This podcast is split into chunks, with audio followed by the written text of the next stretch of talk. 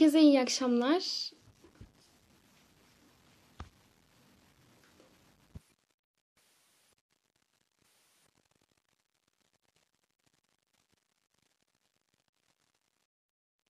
İyi akşamlar hocam. İyi akşamlar.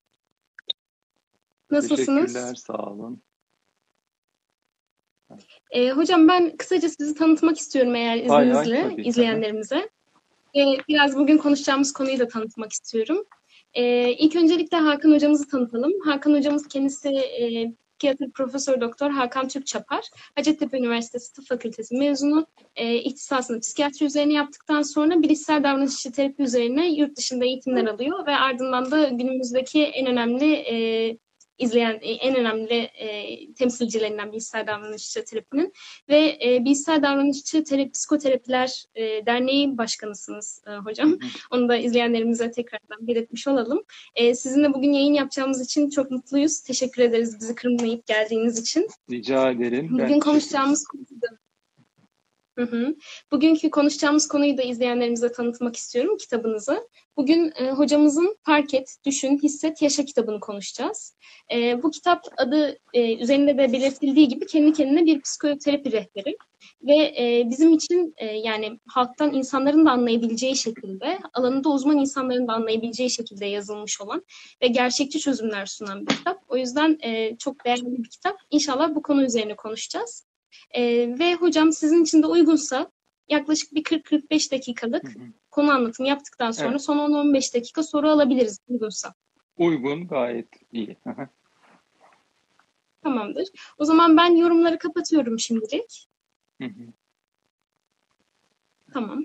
Şimdi hocam isterseniz e, süreyi verimli, vakti verimli kullanmak adına Hı hı. başlayalım e, yayınımıza. Tabii ki. E, ben sizin kitapta sizin kitapta başladığınız gibi aslında e, bir soruyla başlamak istiyorum. E, kendime baktığımda ve çevreme baktığımda aslında hepimizin hayattaki amacının iyi yaşamak olduğunu görüyoruz. Yani iyi hissettiğimiz zaman, mutlu olduğumuz zaman kendimizi e, gerçekten hayatı anlaşılır ve yaşanır buluyoruz ve hayattan zevk alıyoruz. Ama kötü hissettiğimiz zaman da e, hayatı anlaşılır bulmuyoruz ve hayatın anlamını sorguladığımız zamanlar oluyor. Hatta siz öyle bir soruyla başlıyorsunuz. Hayatın anlamı ne zaman sorun olmaya başlar diyerek başlıyorsunuz. Evet. E, bu noktada e, demek ki hepimizin mutlu olmak, iyi yaşamak gibi bir amacı var. Tabii aslında bu kitapta iyi yaşamın nasıl e, elde edebileceğimize dair e, çözüm önerileri sunuyor bize. Hı hı. Ama çözüm önerilerinden önce amacımızı iyi bilirsek yol haritamızı o şekilde doğru bir şekilde çizebiliriz. O yüzden ben sizin iyi yaşamak tanımınızı sormak istiyorum. Sizin için iyi yaşamak nedir Evet. hocam? Şimdi bu tabii kişiden kişiye değişiyor. Zaten kitapta vurguladığım e, şey de o. Bunu her insanın kendisinin bulması gerek. Kabaca hani Hı hı. orada kitapta da yazdığım işte aşağı yukarı hani herkesin tabii paylaşacağı bir şey. İnsan yaşamını oluşturan alanlar var. Yani hayat dediğimizde işte bir doğum var, e, bir de ölüm. Doğumu biliyoruz hani Hı hı. ama ölüm hani ne zaman, nasıl, ne şekilde olacağı meçhul hepimiz için. E, bu zaman çizgisine hayat diyoruz. İki nokta arasındaki zaman çizgisi. Ve hayata anlamını ya da anlamsızlığını veren şey de o zaman çizgisinin na- nasıl ve ne şekilde geçirildiği. Ee, insanlar ne şekilde geçiriyor diye baktığımızda tabii aynı şekilde benim için de geçerli. İşte bir e, duygusal ilişkilerimiz, duygusal hayatımız var işte. Ee, burada yalnız hani bu alanları sayarken herkes bu alanların tamamında çok zaman harcıyor ya da herkesin hepsinde bir e, geçirdiği zaman var diye düşünmemek gerek. Geneli düşünerek söylüyorum tekrar. İkinci alan işte arkadaşlık ilişkilerimiz. Üçüncü alan akrabalık ilişkilerimiz. Dördüncü alan hani bir toplum içinde yaşıyoruz. Bu toplum içinde yaptığımız şeyler. Ee, işte meslek, kariyer, sizlerin işte aldığı eğitim, bu bununla ilgili faaliyetler bir zamanımızı dolduruyor. Bedensel alanımız var, işte vücudumuz, işte yemek yiyoruz, uyuyoruz, onunla ilgili bir e, faaliyetimiz var, kendimize bakıyoruz. E, hobilerimiz var, yani yapmak zorunda olmadığımız ama yaptığımız şeyler. Ve e, son olarak da felsefi, manevi, dini alan var, eğer kişinin inancı varsa. Kabaca hani bu 8 alanda insanlar bir şeyler yaparak zamanını geçiriyor. Kimisinin bazı alanlarda mesela çok fazla zaman geçirebiliyor. Diyelim buradaki en e, belki basit şey gibi görülebilir mesela hobi. Ama insanların bazılarının mesela yapmak zorunda olmadığı şeyler bütün hayatlarını doldurabiliyor. Diyelim bir Doğru. fanatik bir futbol taraftarı için belki de hayatının çoğunu o dolduruyor. E, ya da işte hani aynı zamanda bir problem olarak yaşanabilir ama bir e, ne bileyim at yarışı e, meraklısı için ya da hani e, bazen bağımlılık haline de gelebilir. Hayatının çoğunu o doldurabiliyor. E, bazen tabii çok daha e, hayatımızı dolduran çok zararlı şeyler de olabiliyor. İşte madde bağımlılığı gibi. E, bazen ruhsal rahatsızlıklar oluyor. Onunla ilgili uğraşlar hayatımızı doldurabiliyor. E, bu şekilde bir e, insanlar hani bir şekilde bu hayatı geçiriyor. Anlamı ya da anlamsızlığı dediğim gibi o veriyor. Peki ne olursa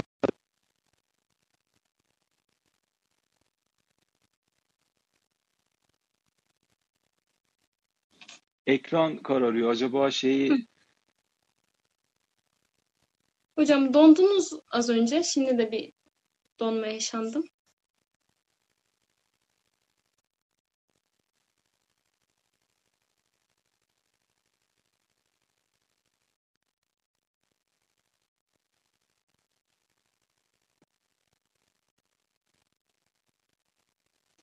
Galiba internet problemi yaşıyoruz. Bağlantı sıkıntısı. Şu an tekrar Şu an geldi sanırım. Hocam. Evet, evet. Ekran kendini e, dinlendirmeye aldı. Şimdi bu alanlarda peki ne olursa e, hayat iyi olur. E, şimdi mesela ben e, epeydir uğraştığım bir kitap var depresyonla ilgili. E, onu bitirdim, e, verdim, yayıncıya teslim ettim ve mesela kendimi iyi hissediyorum. Bu, bu bana iyi gelen bir şey son günlerde.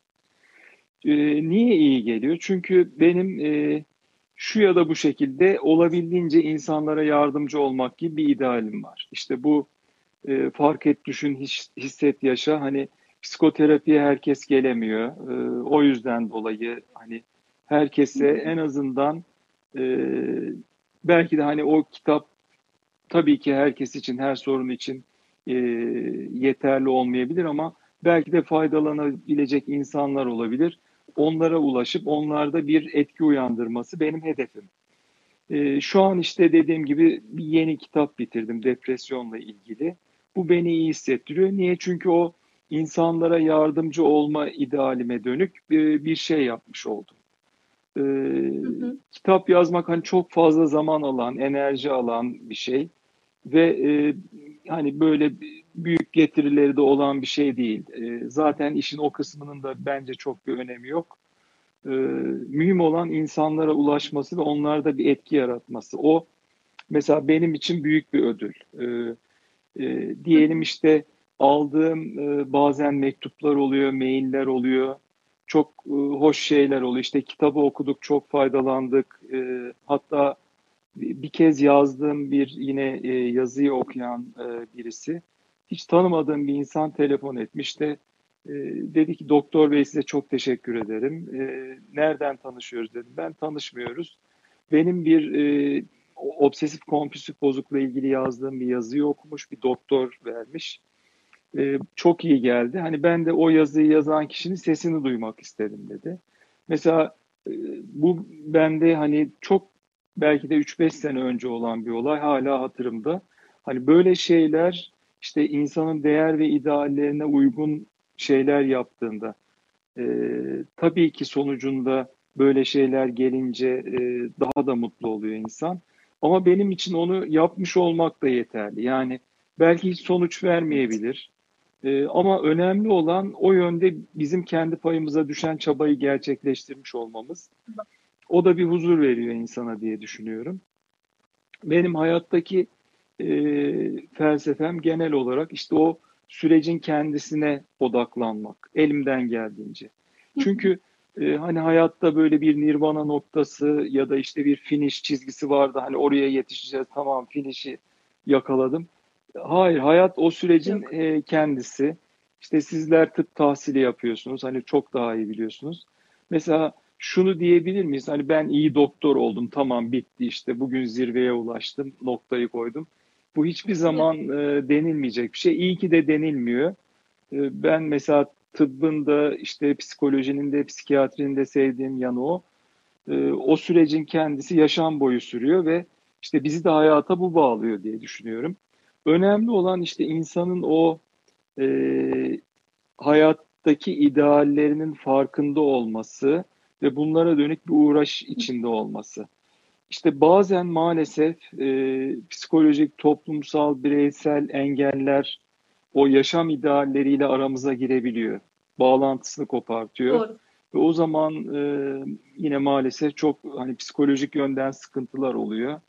O sıkıntılar olduğunda da insanların işte bir kısmı kendisine zarar verebiliyor ve e, bazıları da çevreye zarar vererek e, o sıkıntıyı gidermeye çalışıyorlar. E, o zaman da tabii olumsuzluklar çıkıyor ortaya. Doğru.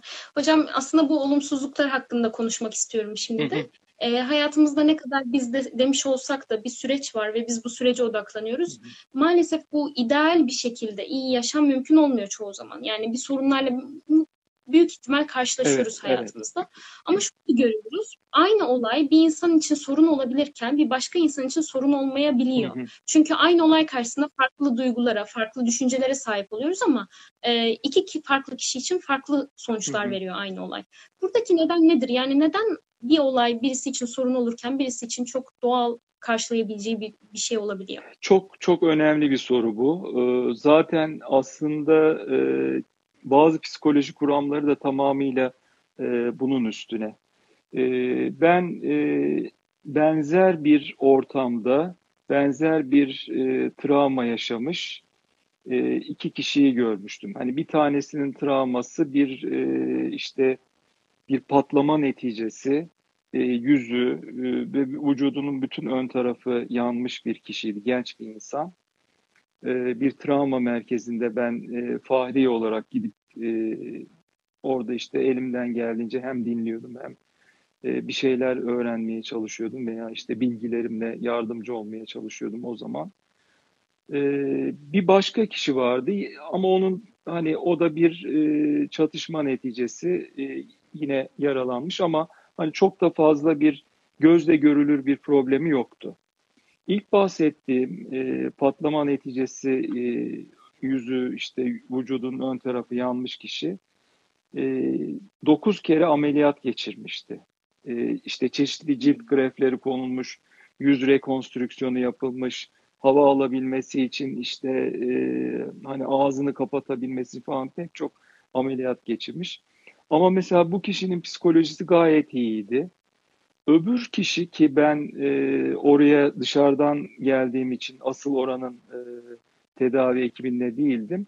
E, görüşme sonrası ben anlayamadım. Hani travmayı anladım. Bir çatışma sırasında yaralanmış ama hani onda kalıntı olarak ne kalmış onu anlayamadım. Çünkü fark edilebilir bir kalıntı yoktu.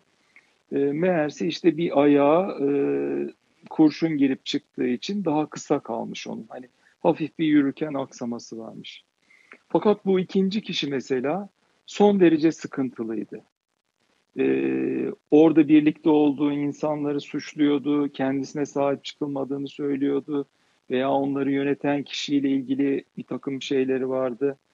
Ee, şimdi düşününce hani bir kişi e, öyle bir ortamda olabilecek en kötü şeylerden biriyle çıkmış. Çünkü bu dokuz kez ameliyat olan kişi aynı zamanda cilt kanseri de vardı. Belki de o artık e, sekerlere bağlı. Diğer kişinin ise belki de böyle bir ortamda olabilecek çok travmatik bir olaydan oldukça hani e, küçük bir hasarla diyelim fiziksel anlamda çıkmıştı. Ama onun psikolojisi çok daha bozuktu. O zaman bana bu çok e, çarpıcı gelmişti. Şimdi e, aradaki fark nedir derseniz bizim e, yaşadıklarımıza verdiğimiz anlam, hayatımıza verdiğimiz anlam. Bu e, Viktor Frankl'ın İnsanın Anlam Arayışı kitabında da hep e, bahsedilir. Viktor Frankl bir e, Avusturyalı psikiyatrist, e, Yahudi kökenli. 1943 yılında artık e, savaşın biraz da son dönemleri ama e, toplama kampına gönderiliyor. İşte Auschwitz toplama kampına. Sadece kendisi değil, ailesinin tamamına yakını, eşi, işte e, kız kardeşi, bütün ailesi, annesi, babası. E, 1944'te savaş bittiğinde çıkıyor, 11 ay kalıyor kampta. E, kendisi ve kız kardeşi kurtuluyor. Onun dışında bütün aile üyeleri ölüyor, farklı kamplara gönderilerek. Şimdi e, onun bu insan an, anlam arayışı kitabındaki belki de dünyada işte bu konuda en çok satan kitaplardan biridir. Milyonlarca baskı yapmıştır. E, hem oradaki kişisel gözlemlerini yazıyor, anılarını anlatıyor hem de oradan yaptığı bir takım psikolojik çıkarımlar var. Ee, ne oldu da hani o kadar çok kötü bir ortamda hani insanların yaşamasının çok zor olduğu bir ortamda bir kısım insan hayatını sürdürüp oradan çıkabiliyor, bir kısmı çıkam çıkamıyor. O şunu söylüyor.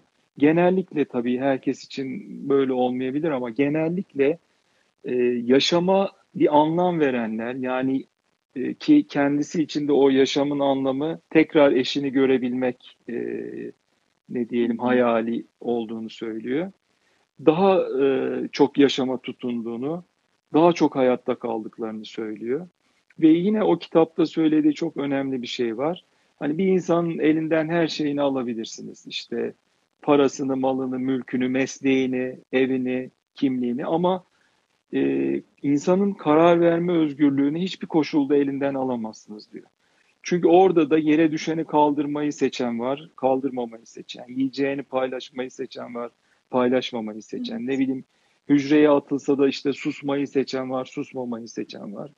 Yani e, insanın her halükarda elinden alamayacağınız bir seçme özgürlüğü var.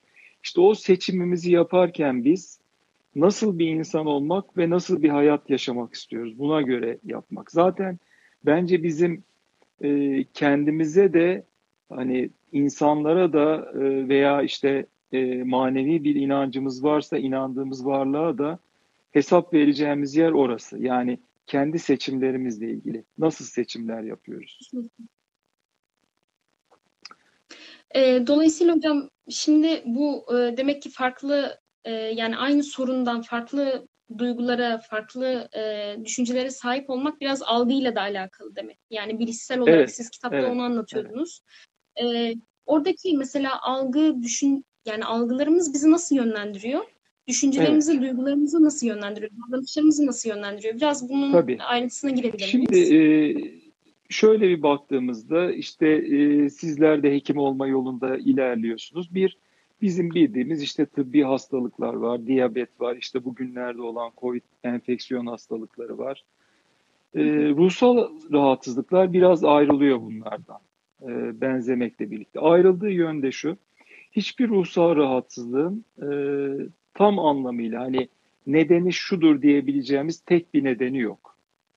Ee, mesela şey olmasaydı işte e, koronavirüs olmasaydı işte e, koronavirüs tip 19 diyelim olmasaydı Covid diye bir enfeksiyon olmazdı. Biliyoruz yani ana etken o. Ama e, ruhsal rahatsızlıklarda bir yaşanan ortamın, olayların, içinde bulunduğumuz koşulların evet bir etkisi var. Ama az önce konuştuk. Bu etki illa belli bir ruhsal rahatsızlığa yol açacak, onu doğuracak anlamına gelmiyor. İkinci olarak neyin bir rolü var? Az önce e, sizin söylediğiniz biz bu yaşadığımız ortamda neleri görüyoruz, neleri algılıyoruz. Şu anda bu odada binlerce nesne var. Çok güzel şeyler de var, çok çirkin şeyler de var. Hangilerini görüyoruz? Bu çok önemli. Daha sonra da tabii gördüğümüz her şey üzerine düşünmüyoruz, her şeyin üstünde durmuyoruz. Nelerin üstünde duruyoruz ve onlarla ilgili ne düşünüyoruz? Bu var. Ee, bu da bizi etkiliyor. Bunlar yani bizim neyi gördüğümüz, neyi algıladığımız ve ne düşündüğümüzde duygusal tepkilerimizi etkiliyor. Diyelim biz eksiklikleri, düzensizlikleri, yoksunlukları da görebiliriz. Ve bunların aynı zamanda hiç geçmeyeceğini düşünebiliriz. Bunlar için kendimizi sorumlu görüp suçlayabiliriz veya bir başkasını suçlu görüp öfke duyabiliriz. Bunlar hep duygusal tepkilerimizle bağlantılı şeyler. Diyelim işte efendim sabahleyin arabamızı sürttük. İşte e, ne kadar aptalım, işte doğru dürüst araba kullanamıyorum, kendimizi suçlayabiliriz. Veya trafik sıkıştığında işte birisi önümüze geçtiğinde işte nasıl benim önüme geçer, işte hakkına razı olmuyor, işte ona gününü göstereceğim, onu suçlayıp öfke duyabiliriz. E, veya bir başkası o anda ya herhalde e, adamın acelesi var, bir hastası mı var acaba diye, diye düşünüp yol verebilir mesela başka birisi de. Aynı olayda farklı bir düşünce, farklı bir duygusal tepkiye yol açabilir. Duygusal tepkilerimizin burada hani biraz daha işte genel tıbbın konusuna giriyoruz. Her duygusal tepkimiz bedenimizi belli bir şekilde çalışmaya yönlendirir. Mesela korku evet. duyduğumuzda bu etrafla ilgili veya dışarısı ile ilgili bir tehlike algısına karşılık gelir. Dış bir tehdit anlamına gelir. Ve bizim, bizim vücudumuzda o dış tehditten uzaklaşacak veya kaçacak şekilde çalıştırır. Öfkeli ise kaslarımız kasılır. İşte bir dış tehdide yine ama bu sefer saldıracak şekilde vücudumuzu e, çalıştırır. Üzüntülüysek, kederliysek enerjimiz düşer, halsizleşiriz, yorgun hale geliriz. İşte hiçbir şey yapmak e, mecalimiz kalmaz. Bizi e, oturmaya, durmaya, e, hareketsiz kalmaya iter gibi. E, şimdi e, çok enteresan bir şey okuduğumda bana da çok ilginç gelmişti. İşte insanların e, çok sevindiğimizde de gözyaşı dökeriz, sevinç gözyaşları denir. Üzüldüğümüzde, ağladığımızda da gözyaşı dökeriz. Bu ikisinin kimyasal bileşimi bile birbirinden farklı. E, yani demek ki insan vücudu o duygusal tepkileriyle çok iç içe ve en sonunda da tabii yine bedenimiz, fizyolojimiz aracılığıyla gerçekleştirdiğimiz bir de bizim e, işte motor sistemimiz, e, iradi kas sistemimizle gerçekleştirdiğimiz işte hareketlerimiz ve konuşmalarımız var. Ve yapıp ettiklerimizde daha sonra neye etkiliyor? Dış ortama etkiliyor. Diyelim siz beni işte e, davet ettiniz. Ben işte hayır ge gelemem dediğimde farklı bir etki oluşur sizde e, tabii ki gelirim konuşurum dediğimde farklı bir etki oluşur. Ona göre siz bana e, farklı bir tepki verirsiniz. Yani sistem aslında birbiriyle etkileşim halinde. Çünkü işte düşüncelerimizin de aynı zamanda e, bedensel tepkilerimizle de ilgisi var. İşte duygularımızın da davranışlarımızla etkisi var. Karşılıklı bir etkileşim. Burada geriye dönüşü olmayan tek etkileşim hepsi karşılıklı sadece ve sadece düşünce biraz daha zavallıdır. Şu açıdan hani düşüncenin doğrudan doğruya ortamı değiştirmeye gücü yok. Düşüncelerimiz ancak davranışlara dönüşürse bir etki yaratır. Diyelim efendim ben sizi çok sevebilirim, sizin çok iyiliğinizi isteyebilirim.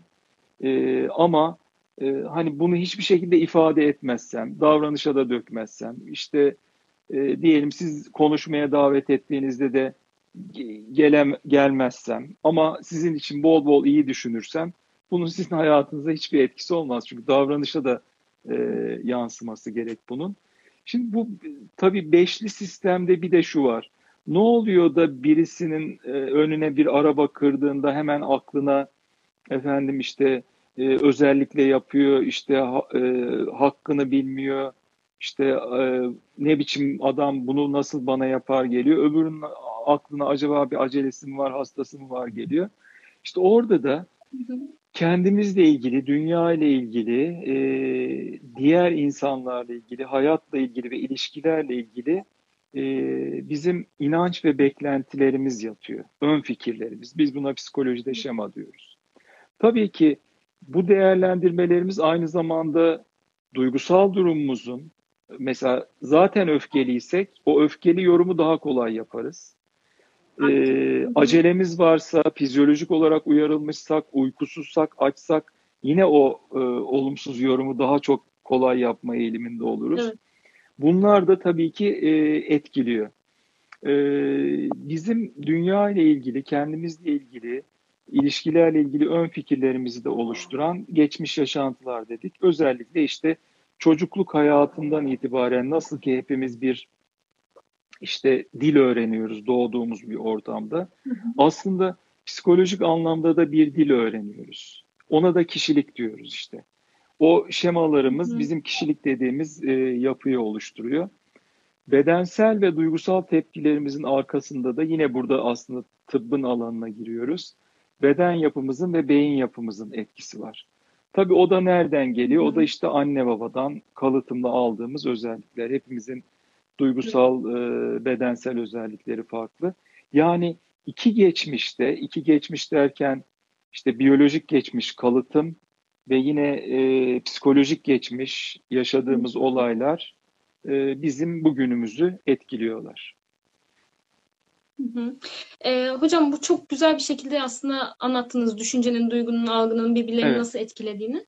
Şimdi bu konu kavramlardan düşünce meselesini de biraz hı hı. aslında de, detaylandırdınız ama düşünceden önce aslında duyguyu ben sormak hı hı. istiyorum size. Çünkü duygu çokça deneyimlediğimiz ve ölçüsünü tutturmakta zorlandığımız yani bazen aşırı noktalarda da yaşayabildiğimiz gibi tamamen Hı-hı. bastırmaya çalıştığımız bir şey de olabiliyor ve bizim toplumda daha çok bastırmaya evet, çalışıyoruz evet. olumsuz duyguları birlikte.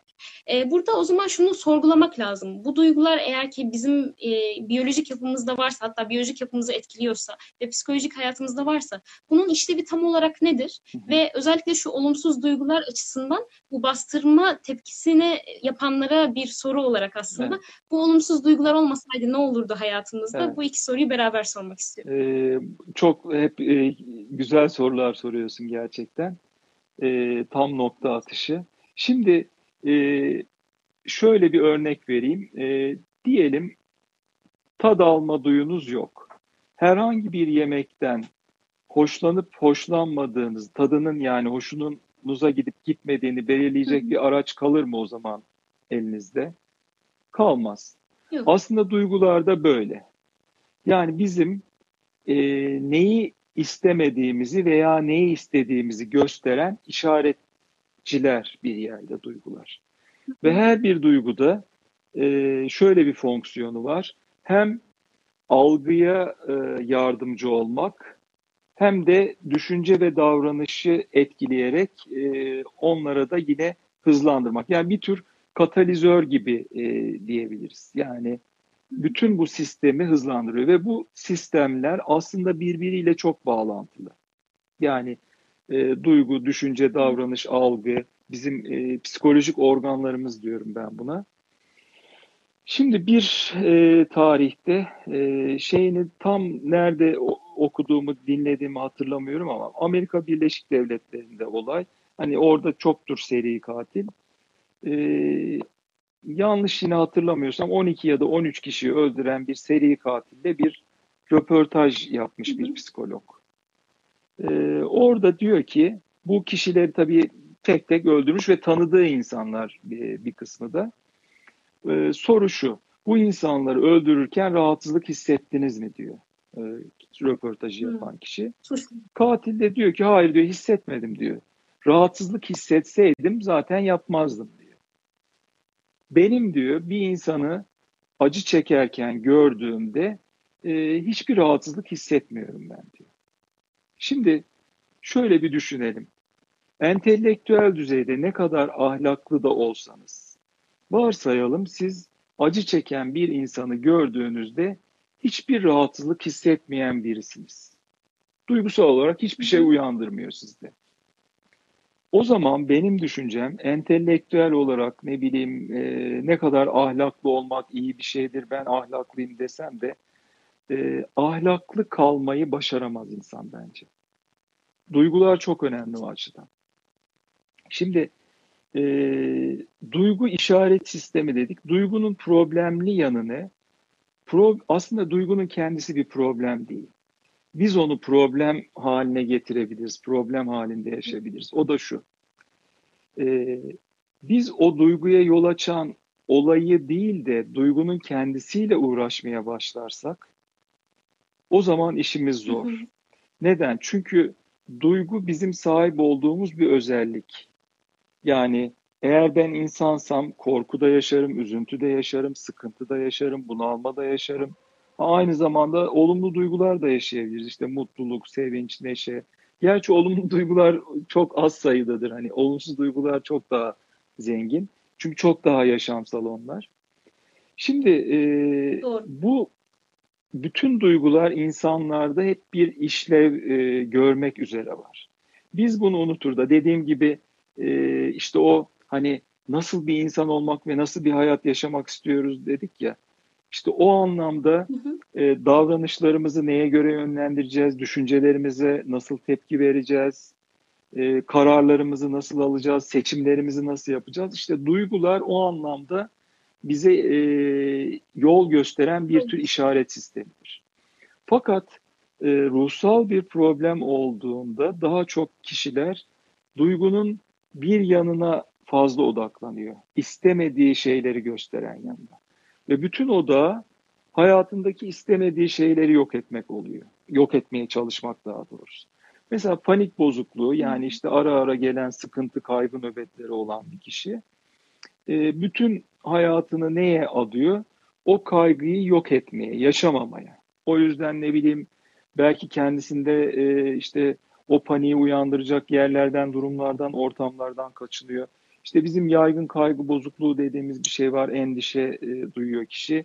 İşte endişe duymamak bütün hayatının e, amacı haline geliyor. Şimdi diyelim bir öğrenci, işte endişeli bir öğrenci. Ya sınavdan kalırsam, ya yapamazsam, ya sınavda işte cevaplar aklıma gelmezse endişe duyuyor. O zaman da bütün amacı ne oluyor? Endişe duygusunu e, bastırmak. Fakat bu da mümkün değil. İşte o zaman hani imkansız bir e, ne diyelim çarka giriyor kişi. Burada kişinin e, yaptığı bir hata yok aslında. Çünkü eğer sorunlarımız duyguları bastırmakla halledilecekse aslında o kişiler bunu en iyi şekilde yapmaya çalışıyorlar. Daha da iyi yapılamaz. Problem şu, imkansız olan bir şeyi yapmaya çalıştıkları için yapamıyorlar. Yani zaten orası imkansız. Evet. İmkanlı olan alan nedir? O e, duygu neye işaret ediyor? Hangi isteğine? Endişe duygusu hangi isteğime işaret ediyor? Ha, demek ki ben başarılı olmak istiyorum. Ne bileyim e, işte doktor olmak istiyorum, iyi bir hekim olmak istiyorum. O zaman ben ne yapabilirim? O zaman işte oturup dersime çalışabilirim. Peki ya yine tekrar endişe devreye girdi diyelim. İşte ya anlayamazsam, ya e, işte yeterince hatırlayamazsam, ya unutursam, oralara takılırsa yine hani onları yok etmeye çalışırsa nasıl orada bir insan mesela e, öğrendiği şeylerin sınıfta e, sınavda hepsini hatırlayacağının garantisini alabilir? Alamaz hani hiçbir zaman. O zaman orada da yine yönelmesi gereken şey ne? İşte ben e, başarılı olmak, hatırlamak, işte sorulara cevap vermek istiyorum. O zaman ne yapabilirim? Okuyabilirim, tekrar yapabilirim, çalışabilirim.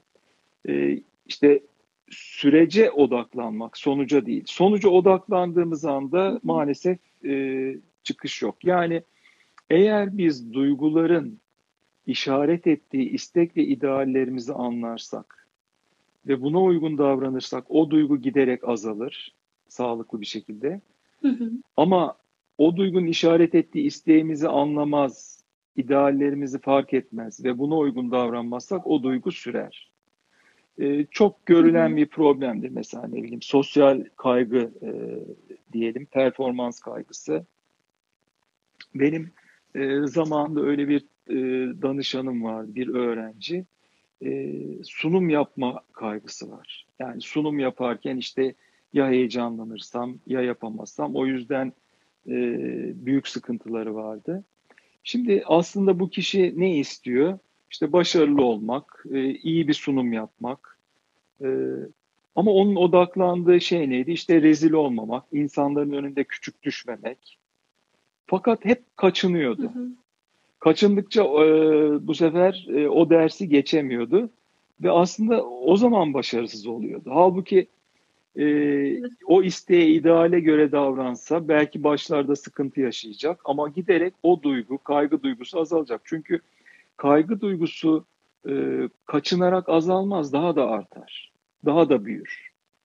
O kişinin istek ve idealine hani ben başarılı olmak istiyorum, kendimi işte insanlara kanıtlamak istiyorum, e, iyi görünmek istiyorum. O zaman ne yapmam gerek?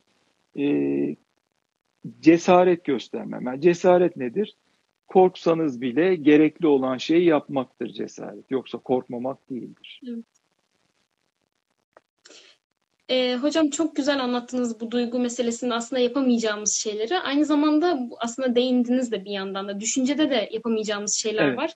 Biz düşüncelere de gerçeklikle karıştırıyoruz genelde. Evet. Ve düşünceler gerçekliği değiştirecekmiş gibi evet. bakıyoruz. Halbuki e, çoğu zaman çoğu zaman değil dediğiniz gibi evet. e, aralarda da ifade ettiniz. Düşünceler gerçekliğe hiçbir etkisi olmayan şeyler.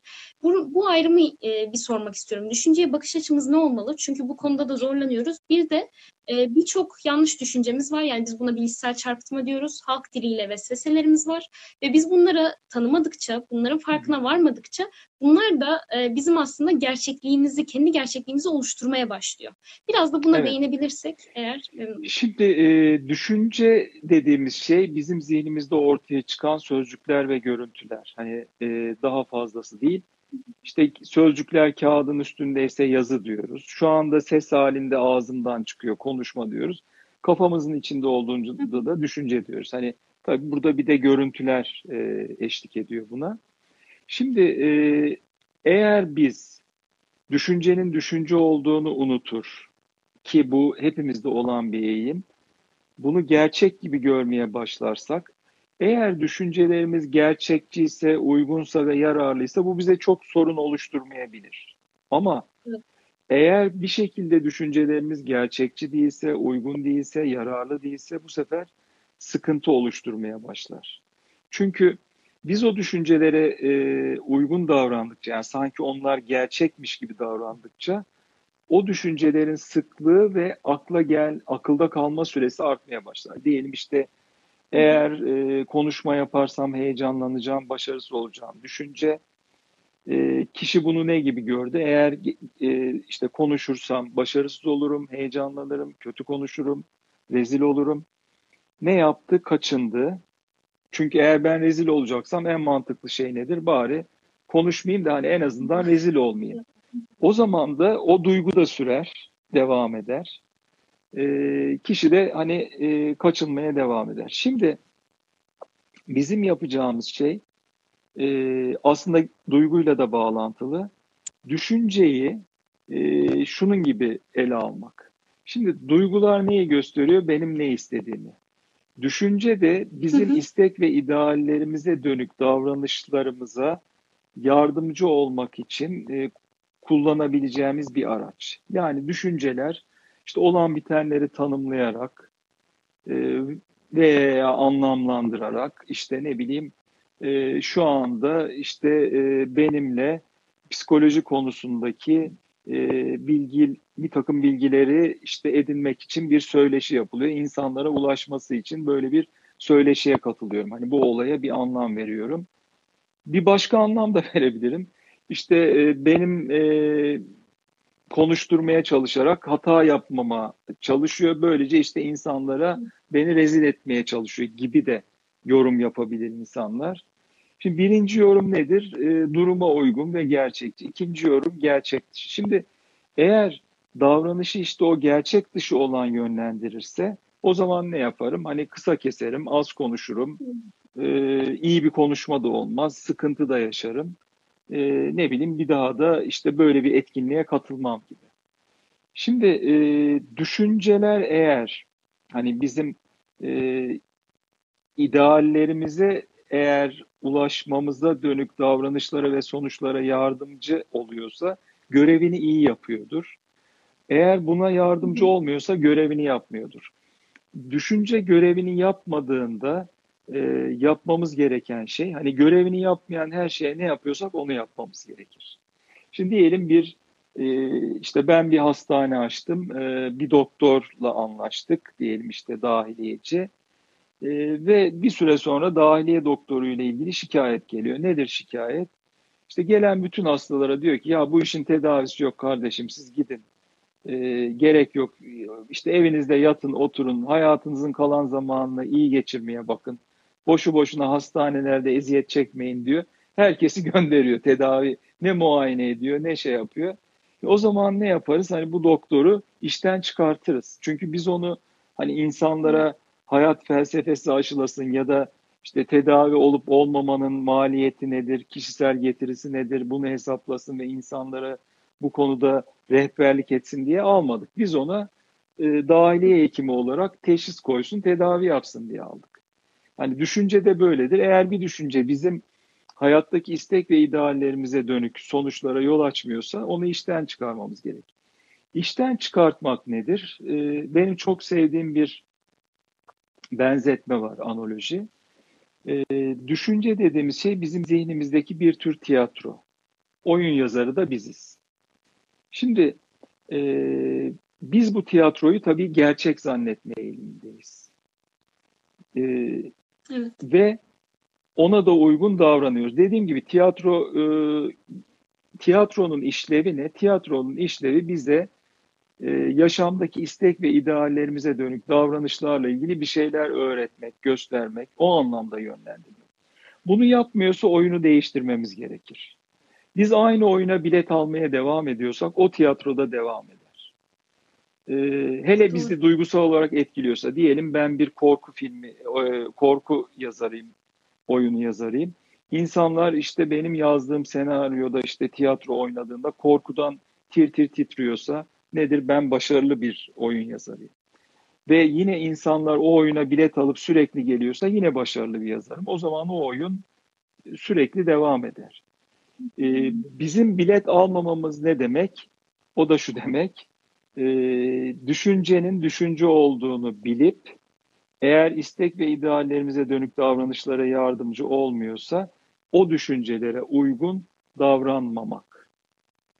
Uygun davrandığımız Çok anda sıkı. o düşünce isterse dünyanın en saçma düşüncesi olsun, en gerçekten kopuk e, düşüncesi olsun bizim gerçekliğimiz haline gelir. Ama öyle olmak zorunda olduğu için değil, öyle davrandığımız için.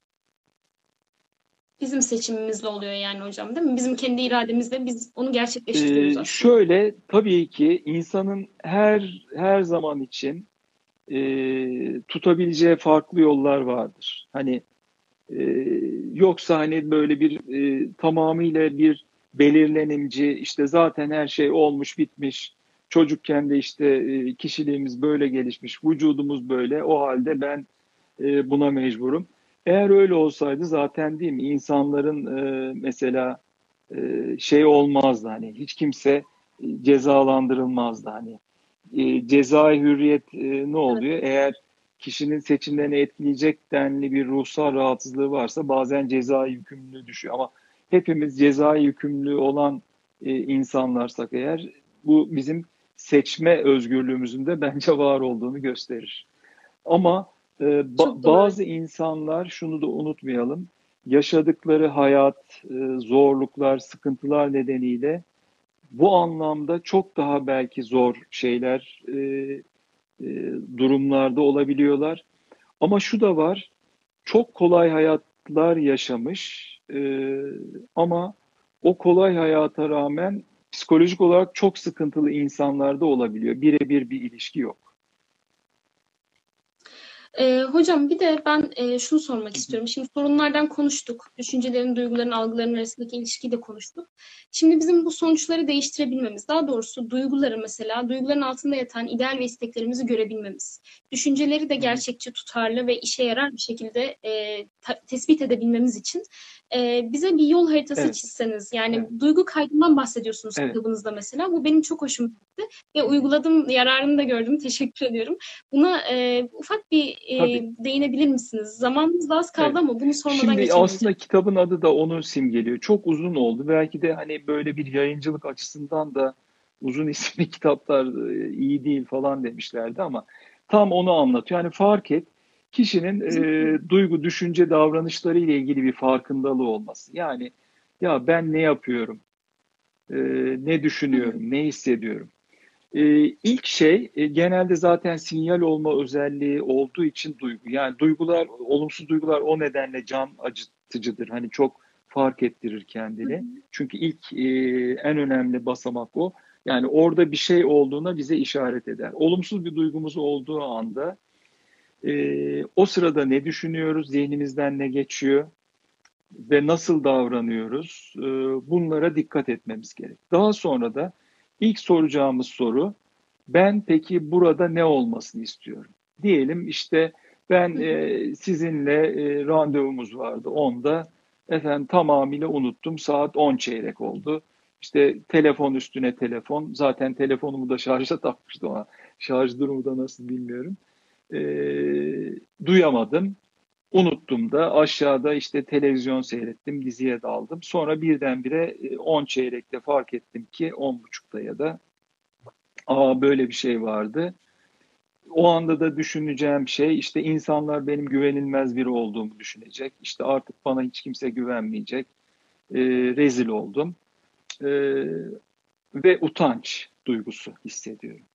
Şimdi o utanç duygusunun e, ben nasıl ne istemiyorum? İşte güvenilmez biri gibi görünmek istemiyorum.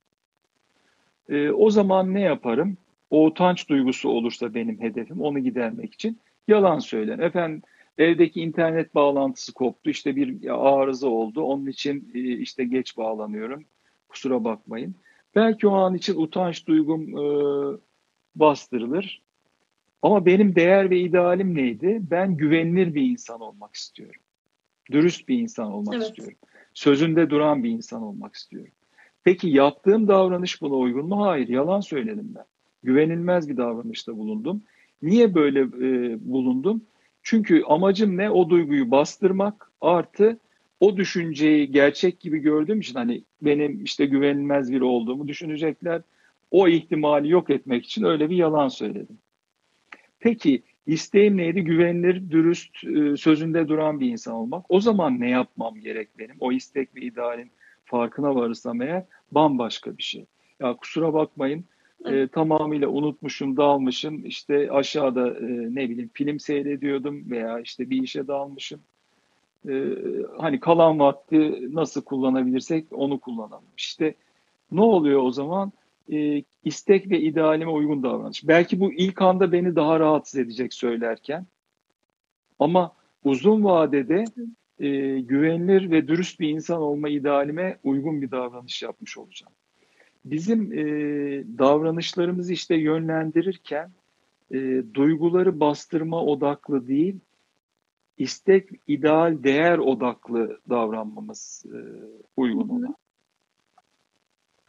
Hocam son olarak şunu sormak istiyorum. Ardından sorulara bakalım. Bakalım inşallah ee, film bitmez bütün... yalnız. ee, öyle olursa hocam olmadı tamam. kapatır tekrar açarız eğer sıkıntı. Tamam. Ee, şöyle ki e, biz şimdi ben şunu fark ettim. Çoğu zaman çabuk olanı istiyoruz. İnsan acelecidir, evet. çabuk olanı istiyor daha çok. Ee, daha uzakta olanı görmezden geliyoruz. Ve siz kitabınızı bitirirken aslında bu hayatı anlatırken hayatın sonunun olduğundan da bahsediyorsunuz. Evet. Ve sanki ölüm bize uzakmış gibi geliyor. Hı-hı. Ve e, çok güzel bir karımınız var bence. Çok katılıyorum bu e, çıkarımınıza. E, hayatta birçok psikolojik sorunun aslında ölüm nedenli olduğu söylenirken siz ölümü tanımamak evet. yani ölümsüz olduğumuzu evet. zannetmek olduğunu söylüyorsunuz. Burada Tolstoy'un bir sözünü okudum. Bunu paylaşmak istiyorum izleyenlerle de. Hı hı. Hayatı anlamayanlar ölümü hatırlamayı arzu etmezler. E, çünkü bu hatırlatma onlara yaşadıkları hayatın akli vicdana uygun düşmediğini gösteriyor. Ne kadar güzel. E, yani gerçek Evet, sizin e, buradaki evet. aslında çıkarımınızı daha e, evet, yani tabii evet. de sizden duymak evet. istiyoruz. E, o sözü sonra atarsan çok memnun olurum. E, demek ki e, orada bir ortak e, da duygu, duygu da var, düşünce de var. Ben bunu hep şeyde düşünürdüm. Şimdi çeşitli e, psikologlar, mesela Erik Erikson, e, kendisi işte anne babası e, e, yani kendi ailesiyle büyümemiştir, işte evlatlık verilmiştir, babası üvey babadır. Mesela o kimlik sorunuyla ilgili hep e, yazmıştır, uğraşmıştır. E, işte e, şey e, Freud çok yaşlı bir babası vardır, genç bir annesi. İşte e, erkek çocukla annenin ilişkisi oradan ödipal kuram geliştirmiştir. Heinz Kohut self psikolojisi, kendilik psikolojisi. Çok e, depresif ve soğuk bir annesi vardır. O da işte e, aynalama, empati onun üstünde duran bir kuramı vardır. E, şimdi Irving Yalom da benim çok sevdiğim e, belki de e, hani psikiyatrlığından daha da e, iyi bir öykü anlatıcı. Yani çok çok güzel öyküler anlatıyor. O aynı zamanda varoluşçu e, psikiyatr olarak da bilinir. E, ve onun temel uğraşısı da hani insanın varoluşçuluk pek çok sorunun altında yatan şeyin insanın ölümlü olduğunu bilme, ölüm kaygısı, ölüm anksiyetesi olduğunu söyler. Bence bu olabilir evet ama mesela Yalom için geçerli olabilir. Daha e, bir kısım insan için geçerli olabilir. Ama bence e, insanların çoğu için ölümün bir kavram olarak e, farkına varıyorlar e, diyelim işte 6-7 yaşında varıldığı söylenir. Ondan sonra da insanlar onu rafa kaldırıyor ve ölümsüz zannediyor kendini. Ne demek bu? Mesela panik bozukluğu az önce söylemiştik. Panik atakları olan ve kalp krizi geçirme korkusu olan bir kişi işte defalarca atak geçiriyor, acillere gidiyor. İşte kalp krizi değil deniyor. Tekrar e, olduğunda yine tekrar gidiyor falan. E, sanki şöyle bir şey var. Yani eğer kendisi o durumu önlerse artık ona ölüm yok. Hani e, her bir ruhsal rahatsızlıkta böyle odaklanılan bir tema vardır. Hani o konuyu garantiye alırsa sanki e, halbuki şu ya da bu şekilde hepimiz öleceğiz. Yani o kesin. Onun şeklini, zamanını bilmiyoruz. E, bunu ne bilebiliriz ne de kontrol edebiliriz. Ama biz nasıl ve ne şekilde yaşayacağımızı kontrol edebiliriz. Onu da hani bugün şu anda yapabileceğimiz bir şey. Bizim e, sonsuz bir kredimiz yok. Yani efendim diyor ki ya şunu şunu yaparsam işte sonra yaşarım. Halbuki e, onun ne zaman olacağı hiç belli değil. E, o anlamda e, kitapta da kurgusal bir şey yapmıştım. E, şöyle bir şeydi bu. Yani herkes öleceği günü bilse acaba e, hayat nasıl olurdu? hepimiz biliyoruz hangi hangi gün hangi saatte. Bence çok farklı olurdu diye düşünüyorum. İyi yönde de olurdu, kötü yönde de çok farklı olurdu. Ee, şunun için e, kötü yönde de olacağına eminim çünkü. Çünkü eğer böyle oluyorsa hani bu düzenin muhakkak kendi içinde bir mantığı var. Ama bizim e, hayatın sonsuz olmadığını, ölümlü olduğumuzu, ölümlülük bilincini e, de olmamız gerek. Ama bu şu demek değil sürekli öleceğim öleceğim değil ama bunu bilmek ve buna uygun yaşamak, buna uygun yaşamak derken e, her anımızı olabilecek hem kendi açımızdan hem çevremiz açısından en iyi şekilde değerlendirmeye çalışmak lazım. O zaman da zaten sonuçta belki bazen daha üzüntü yaşarız, bazen daha sıkıntı yaşarız ama toplamda daha iyi hissederiz. Hocam çok teşekkür ederiz gerçekten. Ee, çok verimli bir sohbet Sağ oldu. Olun. Ben yorumları açtım. Hı hı. Soru varsa bir tane e, soru olarak evet. Onlara bir bakayım hocam sorulara. Bir tane var. BDT ile dinamik ve bütüncül terapi arasındaki farklar neler? Ee, şimdi psikodinamik terapilerin hemen e, her türünde asıl olan e, arzular, e, dürtüler, motivasyonlardır. Mesela psikodinamik terapi e, ilk işte klasik psikanalizi düşünürsek e, bütün insan psikolojisinin biyolojik kökenli cinsellik ve saldırganlık iki dürtü e, tarafından şekillendirildiğini söyler. Daha sonra mesela nesne ilişkileri kuramı gelmiştir. Orada da diğer insanla ilişki kurma arayışımızın bütün insan psikolojisinin temeli olduğunu söyler. Sert psikolojisi işte Hans Kohut'un daha yeni, daha e, güncel bir psikodinamik kuram. E, birisi tarafından beğenilme ve birini idealize etmenin insan psikolojisinin temel e, belirleyicisi olduğunu söyler. Yani bütün psikodinamik terapilerde genelde bir arzu, istek, dürtü ve bunun üzerine kuruludur. E, bilişsel davranışçı kuramsa e, ağırlığı hani e, daha çok psikoloji bilimine dayanarak psikoterapiyi yapma çabası diyebiliriz. Orada da psikoloji biliminin daha çok e, biliş, algı ve öğrenme kuramları, davranış kuramları üstünde durur. Yani insanların dünyayı nasıl algıladığı, nasıl gördüğü, nasıl yorumladığı ve nasıl davrandığının e, psikolojisi üstüne önemli etkileri olduğunu söyler, merkeze onu alır. Böyle farklar var. E, bütüncül kuram e, bir kuram değil. Hani e, her şeyden biraz gibi ama E, ben çok açıkçası e, bütüncül kuram diye bir kuram olabileceğini düşünmüyorum. E, psikoterapide teknikler düzeyinde çeşitli kuramların tekniklerini kullanabiliriz ama e, her bir kuramın e, dayandığı bir zemin olması gerek. Yani şunu demek istiyorum. E, diyelim işte İngilizce bir dil, iyi bir dil. Fransızca iyi bir dil, Türkçe iyi bir dil. O zaman biz bu üç iyi dili karıştıralım ve daha iyi bir dil ortaya çıksın. Daha iyi bir dil ortaya çıkar mı? Çıkmaz. Ortaya bir aşure belki çıkar. Ne olduğu anlaşılmaz. Çünkü kuramların temel önermeleri e, birbiriyle uyumlu değil. Ama diyelim işte psikodinamik terapide kullanılan bir teknik ya da bilişsel davranış terapide kullanılan bir teknik o çerçevede başka bir kuram tarafından da kullanılabilir pekala ama kurumsal kuramsal bütünleşme olamaz. Hani şöyle düşünün işte İngilizce'de o sözcük yok. İşte yoğurt sözcüğü diyelim. Onu Türkçeden almışlar. Çeşitli kuramlar birbirinden böyle teknikleri alabilir. O bir şey değil yani. Hocam çok teşekkür ederiz Ben gerçekten. teşekkür ben ederim. yorumlara baktım şu anda. Ee, yayını kaydetmemizi istemişsiniz. Zaten onu kaydedeceğiz biraz yani Tamam. birazdan e, düşecek İGTV olarak. E, tekrardan teşekkür ediyorum bizi kırmadığınız için geldiğiniz Benim için. için bir zevkti. Çok memnunum. e, güzel sorular sordun. Ağzına sağlık.